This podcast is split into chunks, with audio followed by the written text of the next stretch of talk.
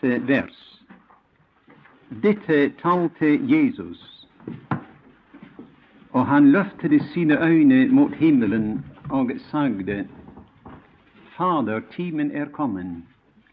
Herliggjør din sønn, for din sønn kan herliggjøre deg. Liksom du har givet ham makt over alt kjød, för att han skall give evig liv till alla dem som du har givit honom. Och detta är det eviga liv, att de känner dig, den eneste sanne Gud, och ham du utsände, Jesus Kristus.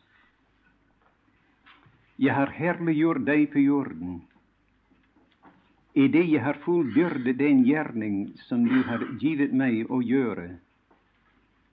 Och nu härlig gör du mig, Fader, hos dig själv, med den härlighet jag hade hos dig för världen var.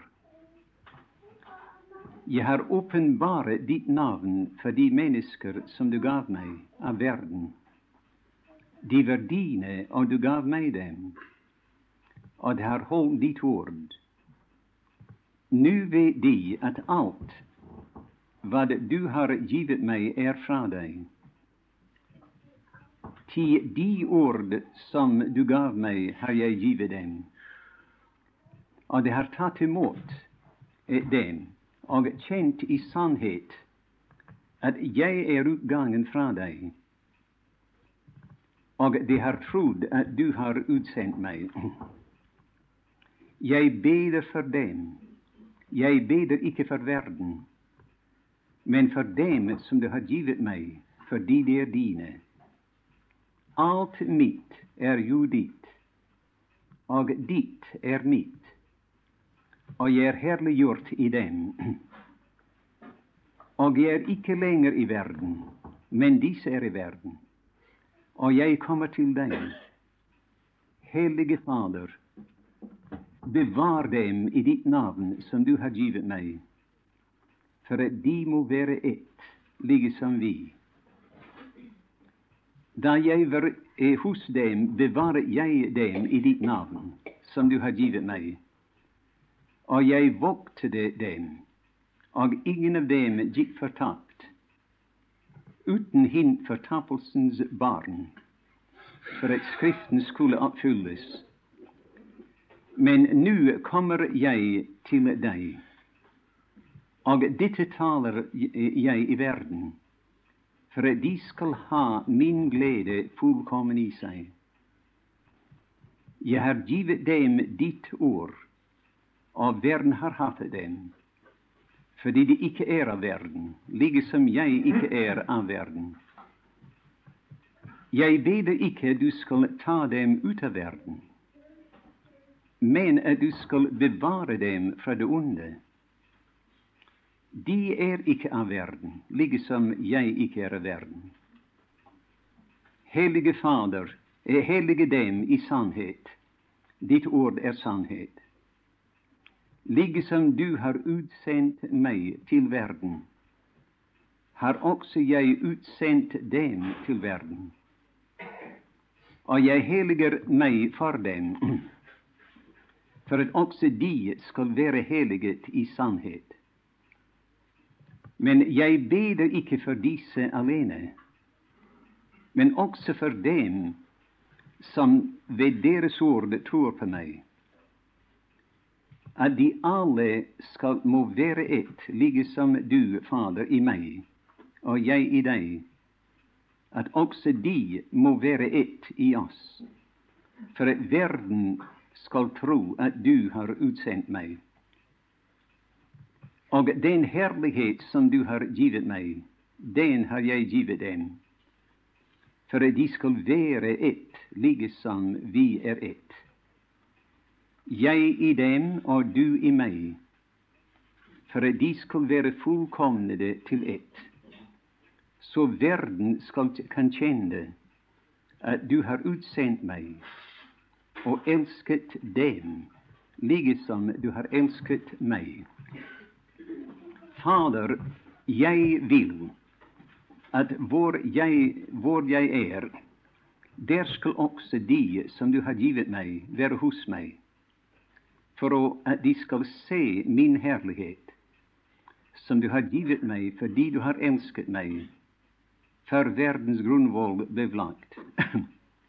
Rättfärdige Fader, världen har icke känt dig, men jag har känt dig av dessa har känt, att du har utsänt mig, och jag har kungjort dem ditt namn, och jag vill kungöra det, dem det.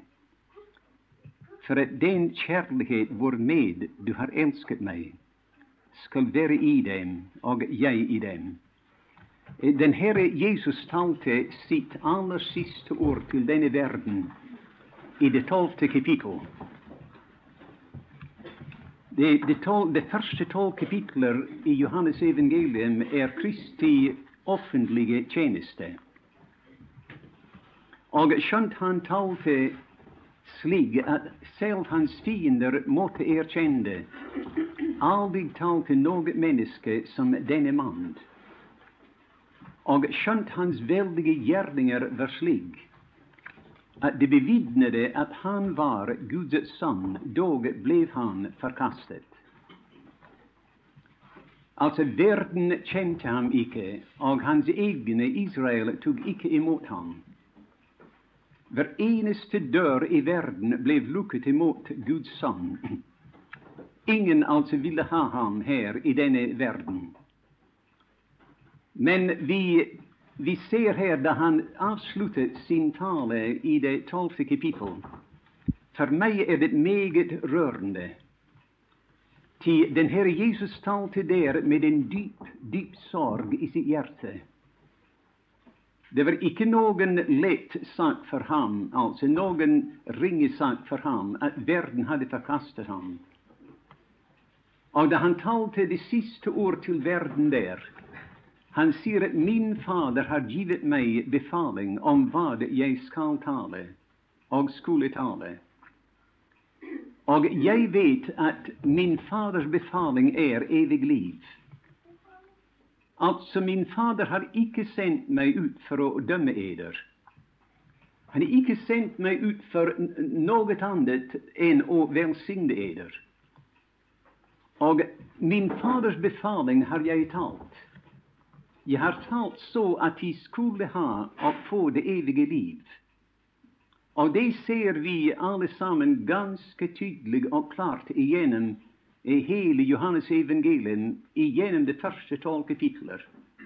Vers efter vers alltså, kom från det, den mun, alltså. Guds samtal till dessa härliga och innbydende sannheter till världen. Men han talte det för att de skulle få det eviga liv.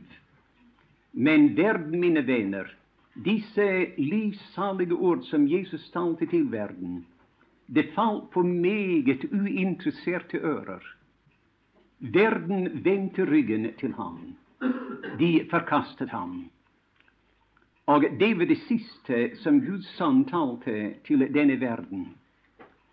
Han tog nu sin förkastelse för avgjort, och han tog sina egna, dessa några få discipler som han hade, han tog dem avsides in i den sal där de hade sitt tillhåll, och han satte sig där ibland dem, och han talte dessa vidunderliga sannheter.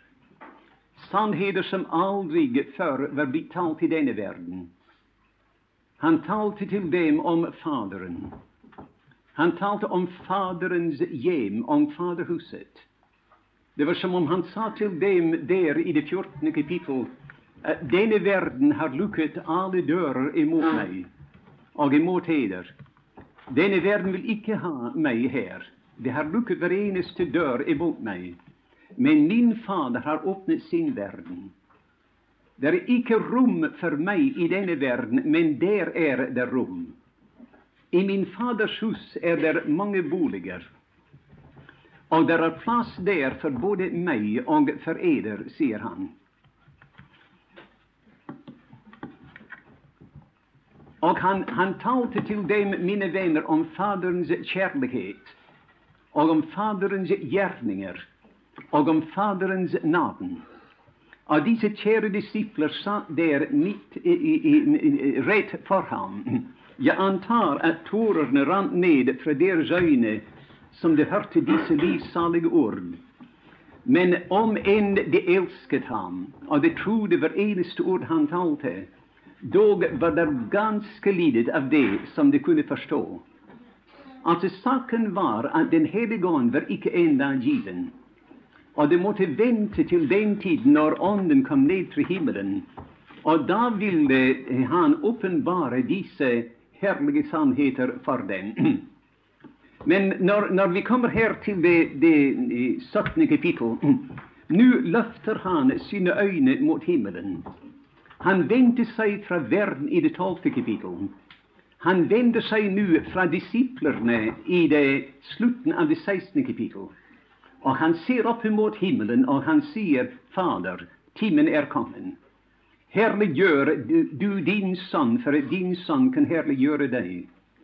Alltså, Om vi bara visste, mina vänner, jag kan inte förklara alltså hurdan det appellerar till mitt hjärta här. Men det är akkurat som Herren sa, min Fader, jag har varit här nere som din tjänare. Mitt liv här nere har varit och förhärliga dig. Och nu önskar jag nu att inta min plats där den plats som tillhörde mig i evigheten som var.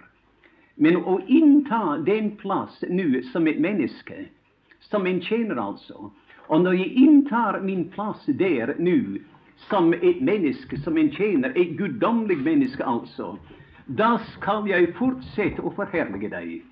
Det är icke at min tjänst skal vara färdig när jag förlater denna världen. Jag skal behålla min tjänarkaraktär evinnelig. Herliggjøre din son, för din Son kan härliggöra dig. Denna bön, mina vänner, står alene bland alla bibelns böner.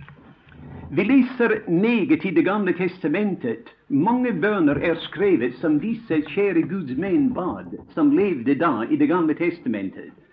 Jag huskar från Moses han, där är många böner, flera böner skrivet som han bad.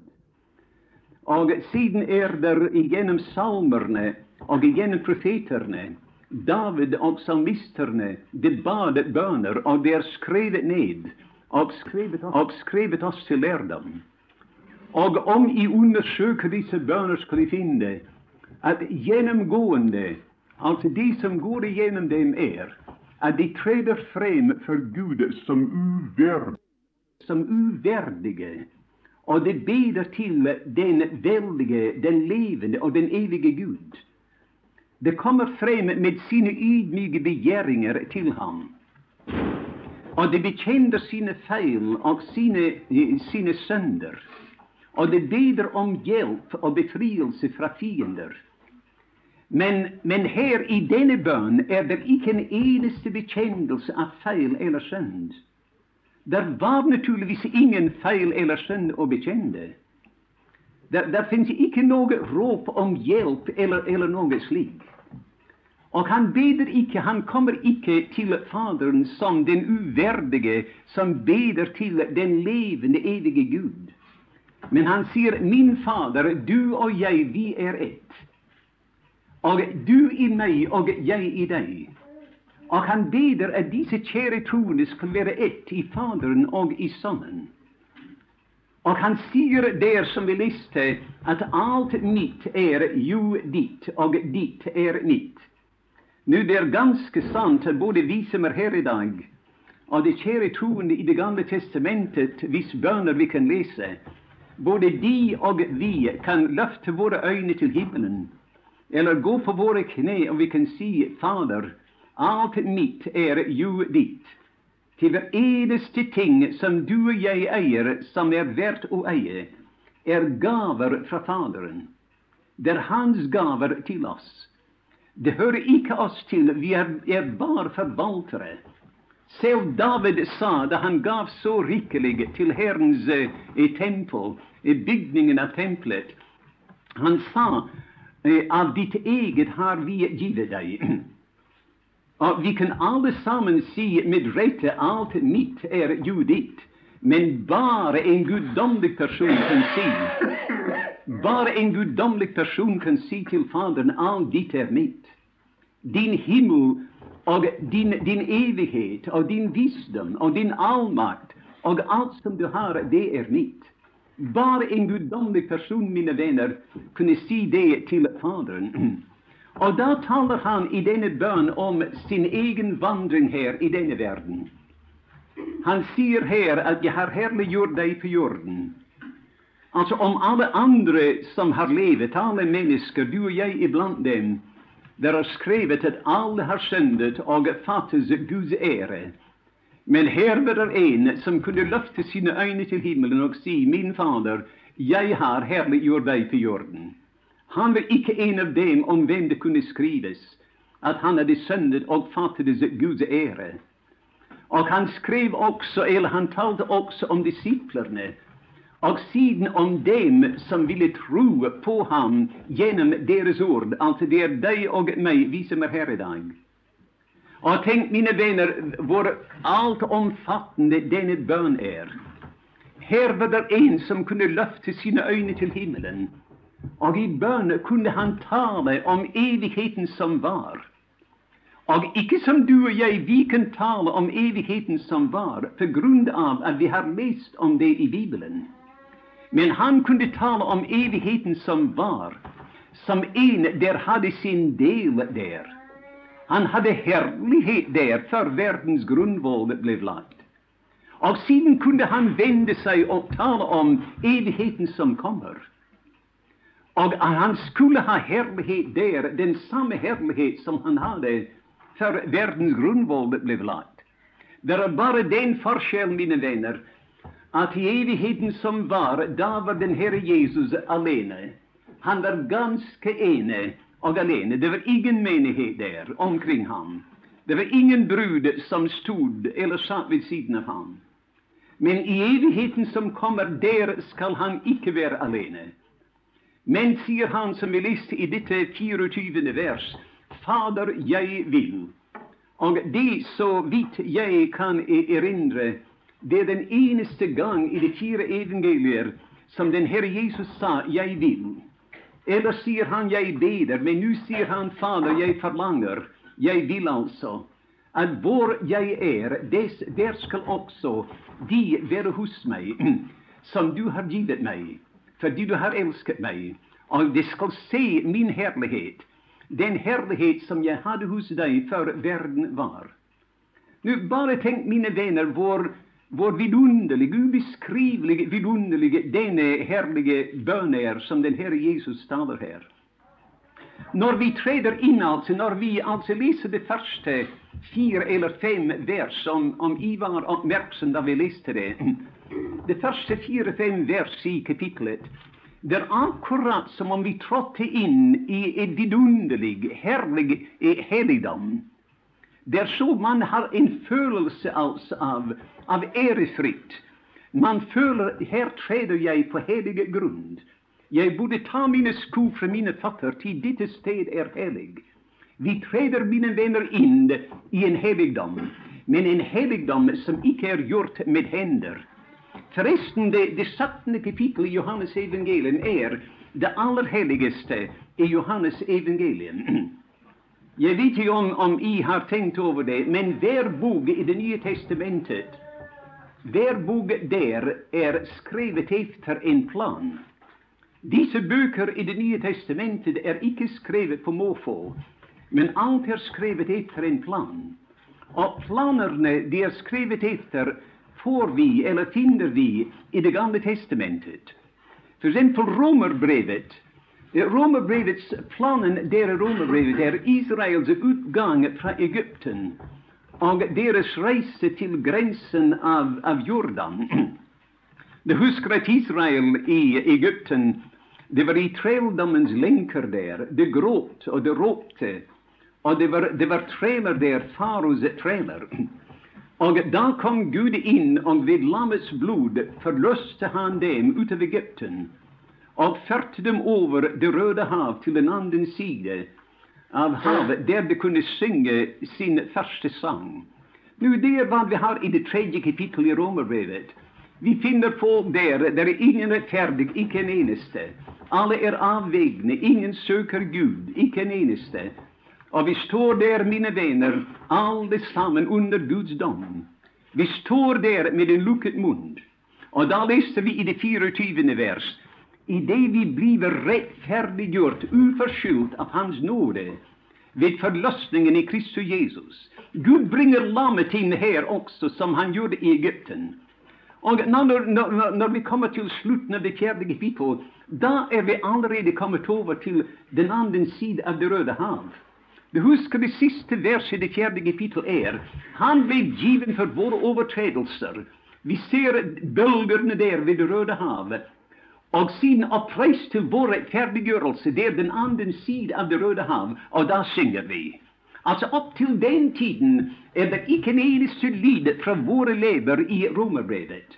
Vår munn er lukket, som vi leser i det tredje kapitlet. Men när vi kommer da till att vi ser vår välsignade frelse, där går han ned och ned och ned i bølgene. Där är havpreist på den andra sidan av Det röda havet. Då sjunger vi, och en härlig sang. En sang som liknar den sangen som Israel sang på den andra sidan. Då vi nu alltså är rättfärdiggjorda av troen, har vi fred med Gud vid vår Herre Jesus Kristus. Den vi også har fått adgang til denne nåde i hvilken vi står, og vi roser oss av håp Håp om kanen, altså. Håp om, om herligheten. Vi ser fremover som Israel gjorde, til det deilige land. Og da begynner vi vår vandring like som Israel igjennom ørkenen. Du husker at alt sammen var nytt for Israel.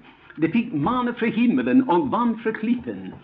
Og vi, de, de, hadde ledelse eh, ved skystaten som førte dem igjennom ørkenen. Og vi leser i det sjette kapittel at, at vi lever, vi vandrer i et nytt levnet, vi også. Men når vi kommer til det åttende kapittel, da er vi kommet til det sted der Israel kom til, som heter Moabs ødemarker. Det var akkurat på grensen til det gode land. Det var ikke enda kommet inn. Ikke enda kommit over Jordan. Men de var der, og du husker, mine venner, om, dere har, om I har lest så meget om det, at da de kom til det sted som heter Moabs ødemarker de visste ikke, disse kjære Israels barn visste ikke, at der oppe på fjellet var det en stygg mann, en satanisk mann altså, som ønsket å anklage dem og önskar å förbanda dem. Men Gud sa nei, du kan ikke förbanda dem som jeg har velsignet. Men William, altså, denne mannen som jeg taler om, han gikk på veien for å få sine spådommer. Og istedenfor at han fikk lov til å gå til denne onde ånd for å få sine spådommer Gud kom imellom, og Gud sa nei, du skal gå tilbake igjen til Balak. Og jeg skal legge ord i din munn, altså ikke i hans hjerte. Det var ikke noen hjertesak. Men jag lägger ord i din mun som du skall tala. Och han kom tillbaka, och han talte vidunderliga ting om Israel. I Romarna 8, mina vänner, läser vi där, där står där alltså, vem skall anklaga Guds utvalgte. Gud är den som rättfärdiggör. Det är ingen som kan anklaga den, som kan, kan det Helige. Men i Kolossenserbrevet och Efeserbrevet vi finner där alltså i Kolossenserbrevet då är vi kommit över Jordan. och vi har kommit så långt som det sted som heter eh, Gilead, eh, eh, eller, eller eh, kommit över på den andra sidan alltså, av, av det eh, Gilgal. Och, och där, Det var akkurat som om, om Herren sa till Josef nu är dere kommit över Jordan. Dere är död och uppstånden, och nu sök de ting som är i det goda land.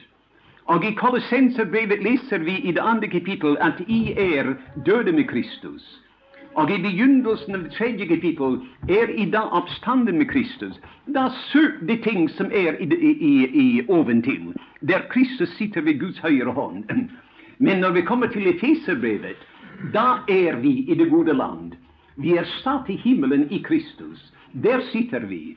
Og just som det var med Israel den gangen. Da de kom inn, mine venner, det var ikke nu ro og hvile og, og alt det deilige altså, og fredelige landet. Men der traff de kanoniter og, og feresitter og, og de andre itter som var der, disse fiender. Og du og jeg, mine venner, som er satt i himmelen i Kristus, der finner vi vår kamp Altså ikke som Israels kamp, som var imot kjød og blod, men vår kamp är mot ondskapens ande här i himmelrummet. Men Filippenserbrevet, la meg bara se i förbigående. Filippenserbrevet här ligger som femte Mosebok i Det Nya testamentet. Det är ganska betecknande att i de första fyra Moseböcker, alltså första, andra, tredje och fjärde Mosebok, du läser där om glädje bara tre eller fyra gånger. Men når vi kommer til det femte Mosebok, vi Israel om glede der kanskje mellom 20 og 30 ganger. Og når vi leser disse brever som eh, Paulus skrev, som vi hørte en del av, av i dag, det er ikke så meget så mange ganger vi leser der om glede. Men i Filippenserbrevet leser vi om glede 19 eller 20 ganger over. Tre gånger säger aposteln, gläd eder i Herren alltid'. gläd eder i Herren alltid. och atter säger jag, gläd eder'. Nåväl, det, det jag menar är, när vi kommer till Johannes evangelium, planen efter vilken Johannes skriver sitt evangelium är tabernaklet. Alltså, de första tolv kapitler är utanför. Och sedan i det, det trettonde kapitlet tar han sina discipler in, och den första ting vi träffar där är altaret. Ty de sitter där vid bordet, och det slaktade lam är på bordet, påskelammet är på bordet, som talar alltså om döden, om altaret. Och den nästa tingen, mina vänner, är att Kristus står upp för döden, Han står upp för bordet. Och när han står upp för det, han binder om sig med prästens eh. Han lägger sin ydre, sina ydre kläder av sig, och han binder upp om sig med ett, ett linneklede. Och han böjer sig ned. Han tar ett fat, icke med blod nu, men ett fat med band. Och han vaskar disiplenes fötter. Just som alltså det i som har läst det i, i Andra Mosebok, det som kopparbäcken med, med bandet i. där prästerna tvättade sina fötter där de gick in i Guds heligdom. Och vi går, vi kan, jag kan inte stansa där naturligtvis, men bara att se att när vi går innanför dagen, 14., 15., 16. kapitel, där sitter vi vid bordet där och äter detta dejliga bröd och mat, himmelska rätter som Kristus delar ut till dem. Och vi läser också i det 15. och 16. kapitlet om lysestaken. Och vi finner där, mina vänner, eh, att vi ska vara lys i världen för honom. Lyset skal brenne klart. Og når vi kommer til det siste, den siste delen av det 16. kapittel, vi kommer da til gullalteret. Hva jeg mener er at der ved slutten av det 16. kapittel eh, lærer han oss en ny måte å bede på. Han sier hittil har vi ikke bedet på denne måte aldrig förr har du har I bedet, eller någon annan bedet, i mitt namn. Bed nu och I skall få, för att eders glädje kan vara fullkommen. Men mina vänner, det som jag sa, alltså det, sei- det 17. kapittel, det är det allra heligaste. Vi går in i det allra heligaste. Det er som ypperste prästen, som leder alltså sina eh, eh, prästerna och leder dem in. Du hörde vad han sa till, till dem om Fadern i det föregående kapitler. Nu skulle du höra eh, eh, vad, vad, vad, han säger till Fadern om dem. Han talte om Fadern till dem i de andra kapitler. Nu skulle han tala till Fadern om dem nu i detta kapitel. och i, som jag, jag sa, han talte till dem om Fadern alltså. Nu skulle han tala till Fadern om dem, Och uppenbara sannheter som aldrig förr är blivit uppenbarat i denna världen. När vi läser det kapitlet här, vi kan betrakta det som att Kristus, mina vänner, att han avlägger nu rapport. Han avlägger regnskap för sitt arbete här i denna världen. Du vet, du vi talar ofta om Kristi domstol. Och det är en mycket allvarlig sak, det, alltså när vi tänker på Kristi domstol. Kristi domstol är när vi kommer hem till himmelen, och vi ska all avlägga regnskap för vårt liv här nere. Hvordan vi har förvaltat vårt pund här nere. Och livet för Herren här nere. De vi ska avlägga regnskap för det. Det är ett meget allvarligt sak för hver troende. Gudskjelov, vi skall icke avlägga någon regnskap vad våra synder angår. Kristus själv har ordnat med det. Men vi skall avlägga regnskap för våra gärningar här nere i denne världen. För att se vilken belöning vi skall få för vårt liv här nere i världen. Men den allra första, mina vänner, aller første, mine som avla regnskap för tronen, vid den Herre Jesus. Han er liv här nere i världen, Men den allra första, mina vänner, som avla regnskap för tronen, vid den Herre Jesus. Han framställer sina gärningar där för Fadern. Han säger 'Min Fader, här är jag. Och i lyset av den tron alltså, säger han till Fadern, jag har härliggjort dig på jorden'. Jag har fullbyrdet den gärning som du gav mig att göra. Att den gärning jag skulle göra var bestämd, før jag kom in i den världen här. Nu, Fader, jag har fullbyrdet den gärning som du gav mig att göra. Och varför, mina vänner, talar han om det? Jo, han väntar att få sin belöning.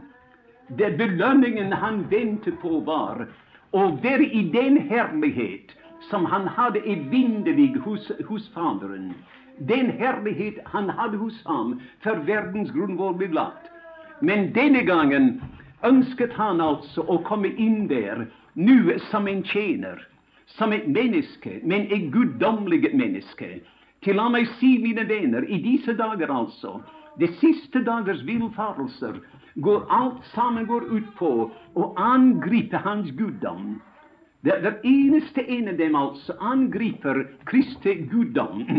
Og la meg si til dere at om en han ønsker å komme tilbake der, og han ber om å få den herlighet han hadde hos Faderen før verdens grunnvoll ble lagt, som et menneske altså, det var, det var fordi han var et guddommelig menneske.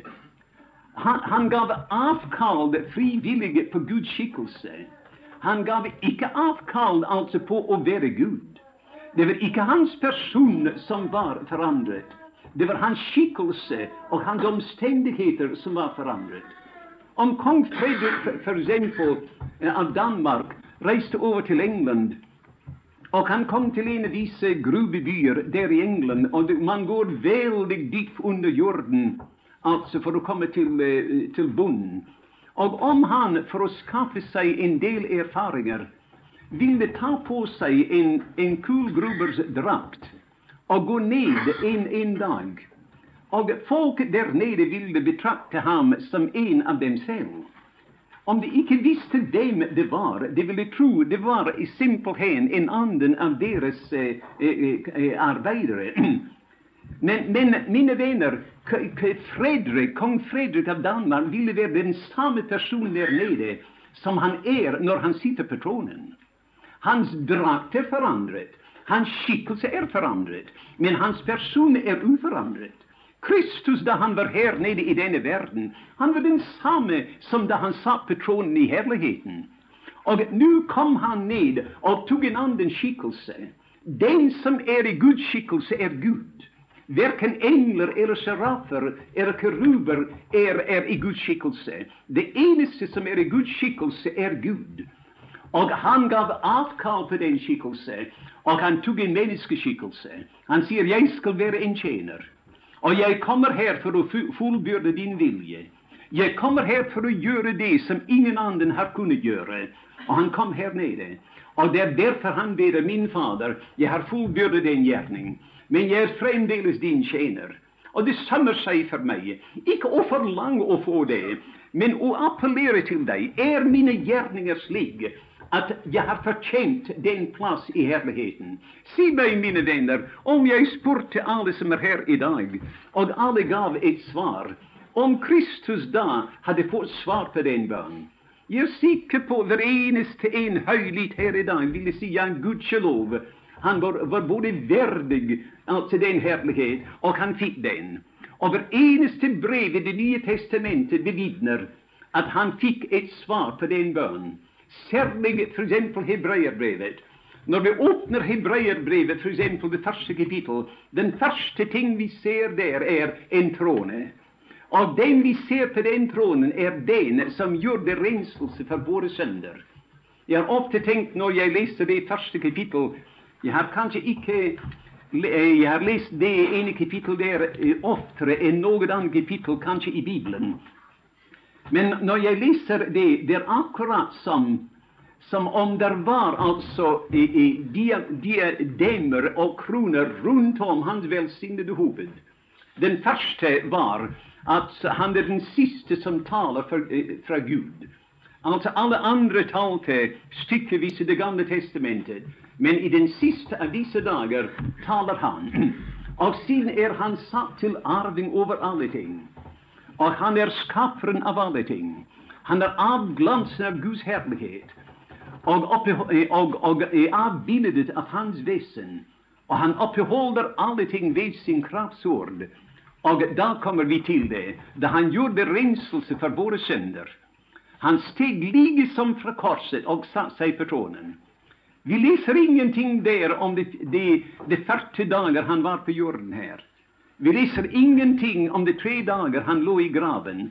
Men han gjorde renselse för våra synder, och han satte sig vid Majestätens högra hand i det höje. Han har fått svar, mina vänner. Han sitter där i gudomlig människa på, på, på härlighetens tron i dag. Nå var, Han regnar upp nu, han eh, regnar det regnskap alltså, som han avlägger för Fadern där är, jag skulle bara tala om, om sex eller sju ting. Det är sju ting som han nämner här som han har gjort. Och allt samman är gjort för dig och mig.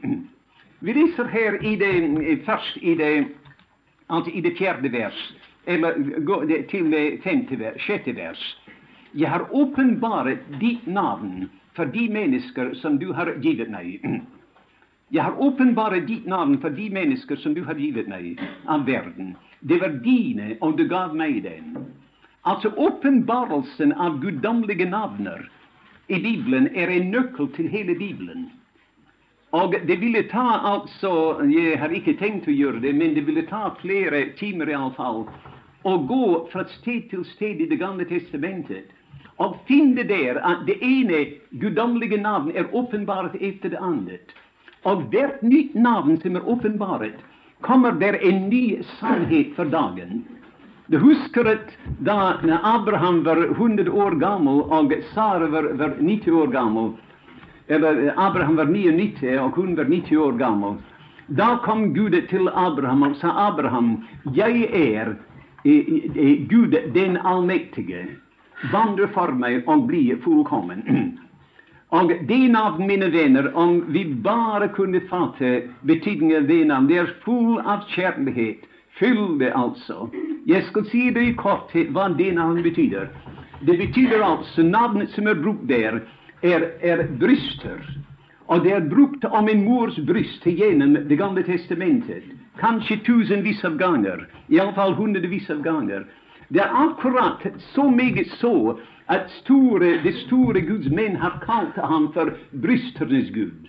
Du vet, Vi vet alla det. Det är många gifta, det är många mödrar här idag. Och du vet vad det är. Till exempel barnet här är gretent. Barnet gråter och kan inte finna vila och ro. Mors bröst klarar det. Barnet är sulten, alltså, men, men eh, mors bryst om å barnet. Barnet är sjuk alltså, men åh, vilken tröst det får där! Alltså, det kan, det, En mor det kan hjälpa, alltså, det, det gråtande barn och sultna barn som icke något människa i världen kan göra.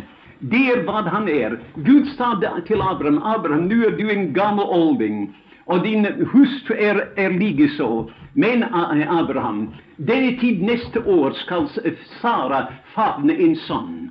Du vet, det är ganska omöjligt. Men Gud, mina vänner, är outtömlig. Han är, han är bristernas Gud. Det är han som giver miljoner av ton korn och, och matvaror till denne världen här år efter år. Han yder regn och solsken och allt. Han är den ydende Gud, alltså. Men när vi kommer till det sjette kapittel i andra Korintier, där läser vi, där ser han till, eh, eller andre, eh, Mose, anden Mosebok han säger till Moses, Moses, att jag var känd av Abraham, Isak och Jakob som den allmäktige Gud. Men vid mitt namn Jehova var jag icke känd för dem. Här har vi ett nytt namn alltså. Men när vi kommer, mina vänner, till Johannes det 17. kapittel, här har vi topp, toppen av allt. Här har vi høydepunkter. Vi kommer aldrig högre än det.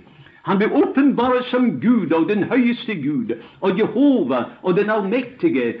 Men här är vi kommit till at Faderns namn är endelig uppenbarat. Men åh, det var mycket vanskligt för eh, de kära discipler att fatta det det. jag ska bara läsa i det föregående kapitlet ett par eh, ord som visar hur vanskligt det var för dem att fatta det. Vi läser i det 26. vers, för exempel.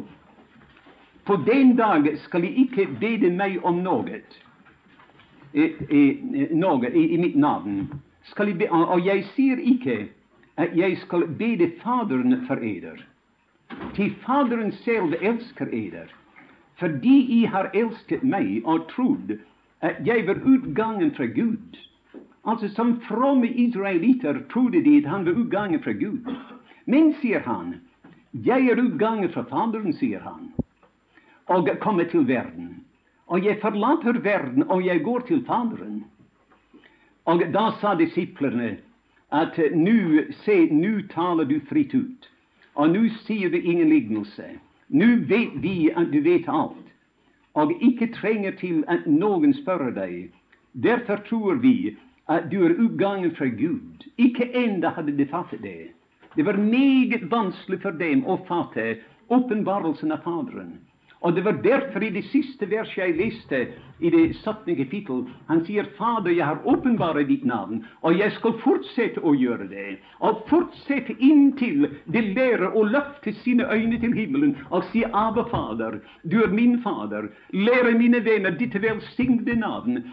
så den troende kan lägga sig upp till hans bröst, till Faderns bröst och säga Min Fader, du är min Gud och min Fader. Min välsignade Fader, det är det Han önskar att bringa oss fram till. Det var den första av dessa ting då. Jag har uppenbarat ditt namn för de människor som du gav mig, alltså Faderns namn. Och det är höjdpunkten i uppenbarelsen av gudomen här, i, i, denna verden. Vi ska aldrig komma högre än det. Och då den andra tingen i det, det åttonde verset är, att de ord som du gav mig, eller det är det alltså. Icke ordet, men de ord. alltså med andra ord, de meddelelser som du har givit mig, har jag givit dig. Nu, det, det ville ta oss länge och, och bara nämna någon få av dem. Men om det går igenom de fyra evangelierna skulle finna, att de dejliga, härliga meddelelser Han gav några till Peter. och salig du, Simon Jonas' son, Kjøtt og blod har ikke åpenbart deg det, men min Fader som er i himmelen. Han talte andre meddelelser til de forskjellige disipler, og som budskap til dem, som meddelelser fra Faderen. Det var altså en, en, en vidunderlig trøst for deres hjerter her nede. Og du og jeg, mine venner som er her i dag, vi burde vente å få meddelelser fra ham. Alltså det ord som passar för dig i dag, är icke det ord som passar antagligen för mig. Det borde vara jevnlige meddelelser.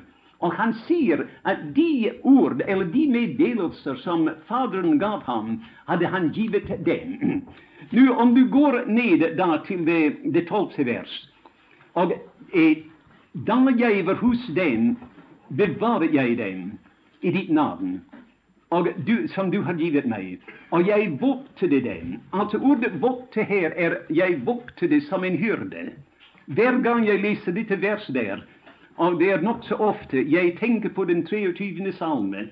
Du huskar mina vänner där, i det, det 22.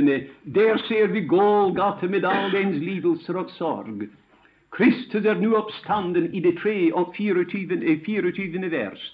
Og nu singer sjelen, herren er min hyrde, mig fattes intet.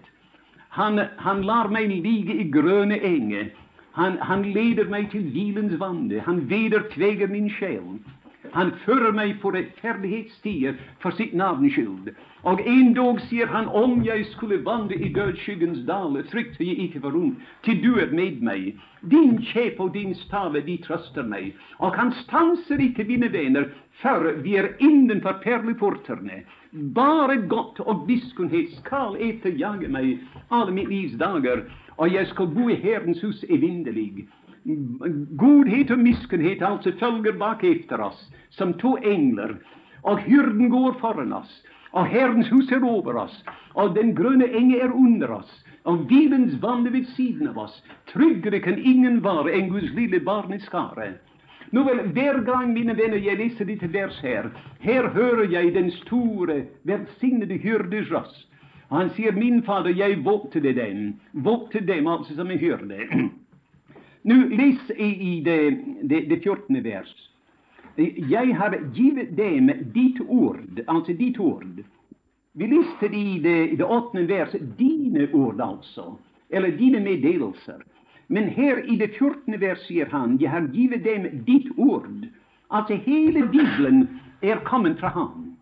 Låt mig säga till er, mina vänner, att aldrig skall det läggas ett enaste ord till, till Guds ord. Det sista ord eh, Faderen talte till himlen var Dette är min sønn, den älskade, hör han.' Och sedan den tiden har icke Gud talt. Han säger 'Där är min son, och du skall höra han. Och han är Guds siste talsman. Vem vågar att tala efter Kristus?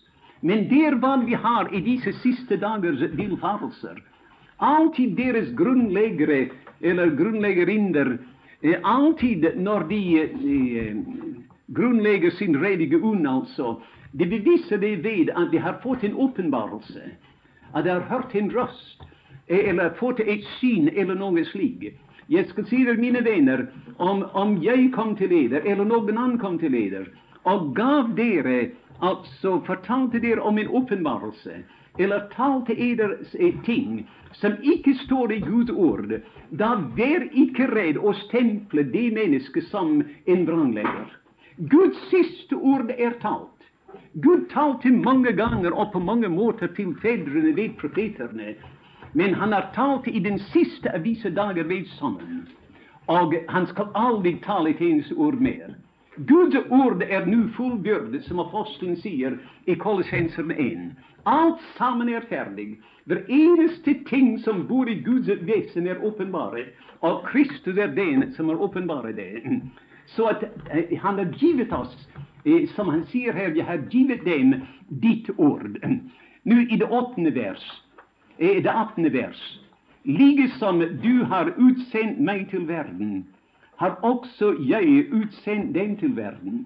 Jag sa det jag läste i det, det, det 12. verset där, om, eh, när jag läste det vers jag tänkte på den 23. psalmen. Men när, när jag läser det 18. vers, att lika som du har utsänt mig till världen, så har jag utsänt den till världen. När jag tänker, när jag läser det vers, tänker jag på Salmen 44.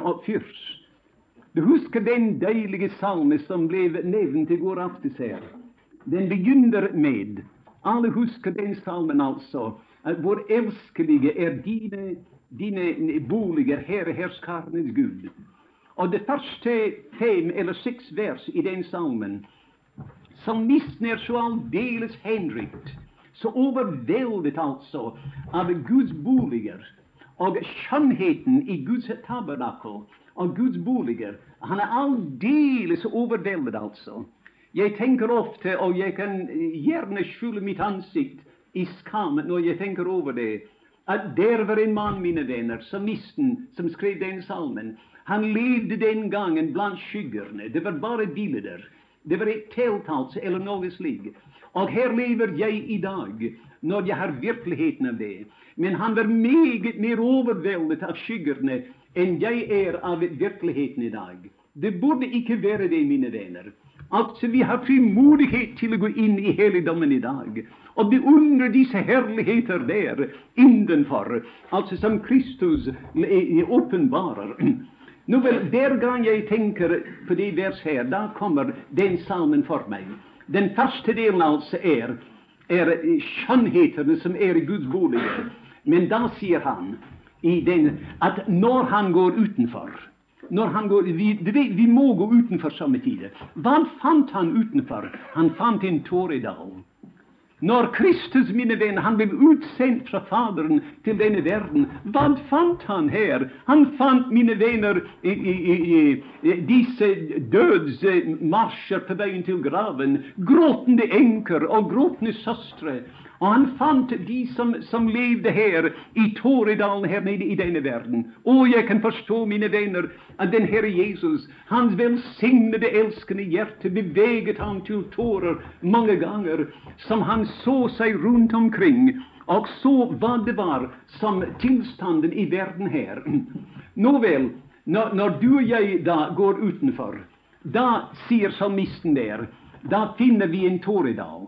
Men var finner vi Tåredalen på något kart? Vilket kart, alltså? Du kan rannsaka så många bibelska kart som du vill. Du ska aldrig finna Tåredalen i någon av dem antydet. Jag ska säga det, mina vänner, Toredalen är runt omkring oss i Köpenhamn idag. Och det är huser här i Köpenhamn idag. Där Det gem här, och om vi kände till den och kom in till den, vi ville se gråtande kvinnor sittande och vrir sina händer i förfärdelse och gråtande barn, gråtande föräldrar, som de sitter där vid sidan av en säng, inte har vedkommende utåndet, eller kanske är på vägen till det. Det, är en tåredal runt omkring oss överallt. Och då säger han, när det går igenom Tåredalen de gör det till en kildevann. Jag ska si att vår uppgave i denna världen är att torka tårar. Vår uppgave, mina vänner, i denna världen är att trösta hjärtar. Jag har bett till Gud, jag tör icke ge till vår mångfaldiga gånger, att Han ville ge mig den lærte framför mina vänner och kunna predika eller, eller, göra andra ting, Och, och kunna gå in till, till gen där sørgende själar är, sørgende troende, och torka deras tårar. När jag ser det, jag huskar eh, krigen, eh, eller eh, året efter krigen var slut. Jag hade en mycket, mycket god vän i Norge. alltså icke långt, Han var vår närmaste nabo, och en mycket känd troende man, En yngre man. Och han och hans unge svåger, som nästan var, var lite omvänd, de gick ut en lille julafton för att, att få en del torsk. De plöjde alltid att ha torsk till, eh, till aftons den kvällen. Men de kom aldrig hem igen. Då de kom ganska ner till stranden, Där kom en väldig bölge som där kom där som i tider, Välte båten. Och det var icke de druckna, men de blev slått klipporna och bägge två blev både gen död. Jag visste ingenting om det. Jag var i färd med att resa till ett annat ställe. Men en av bröderna kom till mig och sa du, du må ned till det huset där. Och jag gick ned, mina vänner. Och jag, da jag kom ned till det hus eh, där, och jag såg den unge änkan sitta där på en divan, Och hennes sorg var alltför djup för tårar. Hon bara satt där och stirrade i, i, i, rummet. Det var allt. Och jag stod där, och då tänkte jag på det vers i Isaias i, halvtress. Den Herre Herre har givit mig lærtestunge, för att jag skall vida och kväga den mödige med ett ord. Och som jag stod där, på golvet, mina vänner, den dagen, då sa jag i mitt eget hjärta, jag har icke den lærtestunge. Og det jeg ønsker, og det, det, eneste jeg kunne gjøre, var å gråte med det gråtende og sørge med det sørgende. Og det, rundt omkring oss, mine venner, er det en tåredal i dag. Og det salige den mann eller den kvinne som formår å tørke tårer. Ikke å skaffe flere tårer, altså. Ikke å legge sten til byrden, men å tørke tårene. Det var en av de ting då som han gjorde. Han säger, liksom du har utsänt mig till världen.' Och vi vet hurdan han levde här. Nåväl, säger han 'Jag har utsänt den till världen.' Och då nu, bara ett, ett ögonblick, och då är jag färdig. I det, det 22. vers säger han att jag har, härlig, jag har givit dem den härlighet som du har givit mig. Den härlighet alltså, som han kom här ned och han kom här ned, mina vänner, för att erobra riket. Han skulle erobra riket från, från Satans hånd. Och han övervann ham först i öknen, efter han blev döpt till Jordan av Johannes, Och sedan övervann ham i döden. Och så, men säger han att den härlighet, jag har ervärvat mig härligheten som en konge och som en präst och jag giver den härlighet till disse mina medarvingar. Det borde, mina vänner, fyllde alles våra hjärtan med en, en, en nidkärhet som, som i de flesta av oss icke äger. Jag har givit dem den härlighet. Men nu jag kan icke fortsätta. Men låt mig se, mina vänner, i det jag sätter mig, att det är bara tre ting han beder om för oss. Dessa ting jag har nämnt, det har han gjort för oss. Men det är tre ting han har bett för oss. Och det, Den ene tingen var Han säger där i det, det 15. vers att eh, jag beder icke du skall ta dem ut av världen, men du skall bevara dem från det onde. All det onde, mina vänner, som I är vittne till runt om i denna stora by här, att du skall bevara dem från det onde. Och sedan i det, det 16. vers E- eller det 17. vers. 'Helige den i din sannhet, ditt ord är sannhet. Vet I hvordan Han heliger oss? Jo, säger han, min Fader, att jag heliger mig för dig.' Alltså, vad han menar är, att nu är jag här, men jag ska heliga mig helt upp till tronen. Och jag gör regning på att min brud, att min, mina barn ska ha brudefödelser och att deras hjärtan ska följa efter mig. När jag går där upp, de ska se nu väl, där är hjärtat mitt. Mina fötter är här på öknen sand, men mitt hjärta är där vid tronen. Jag skall heliga mig för att också de skall heligas vid sannheten. Det var den andra ting som han bad om, att det skulle heligas. Och det är brudens heliggörelse. Och sedan läser vi i det, det 24. vers. Det var det jag nämnde förresten. Fader, jag vill att, att vår jag är du vet, Han kunde ha bett den gången, Fader, jag vill att allesammans av disse skal vara i himmelen. Men du vet, himmelen, mina vänner, är ett väldigt begrepp. Vi kunde vara i himmelen och aldrig se ham eh, för den sak. Men han säger, Fader, jag vill att var jag är, var jag är, där ska också de som du har givit mig vara hos mig. Och de ska se min härlighet. Det är en härlighet som vi ska se, men icke få. Det var den hans personliga härlighet, som han hade hos Fadern för världen var. Och, mina vänner, det här, som jag har talat om i dag, det är bare å røre ved av hans kledebånd. Det är bara lite grann från, fra overflaten alltså, i detta vidunderliga kapitel. Det kapitlet är full av de ting som öje icke så, som öre icke hörte och som aldrig har något noe menneskehjerte det ting som Gud har berett för dem som älskar honom. Gud har uppenbarat dem igenom det för våra hjärtan. Gud hjälp oss därtill och å för dessa ting som blev nämnt idag och grund in till hjärtat strömmar över med livliga ord, ting som angår Kristus.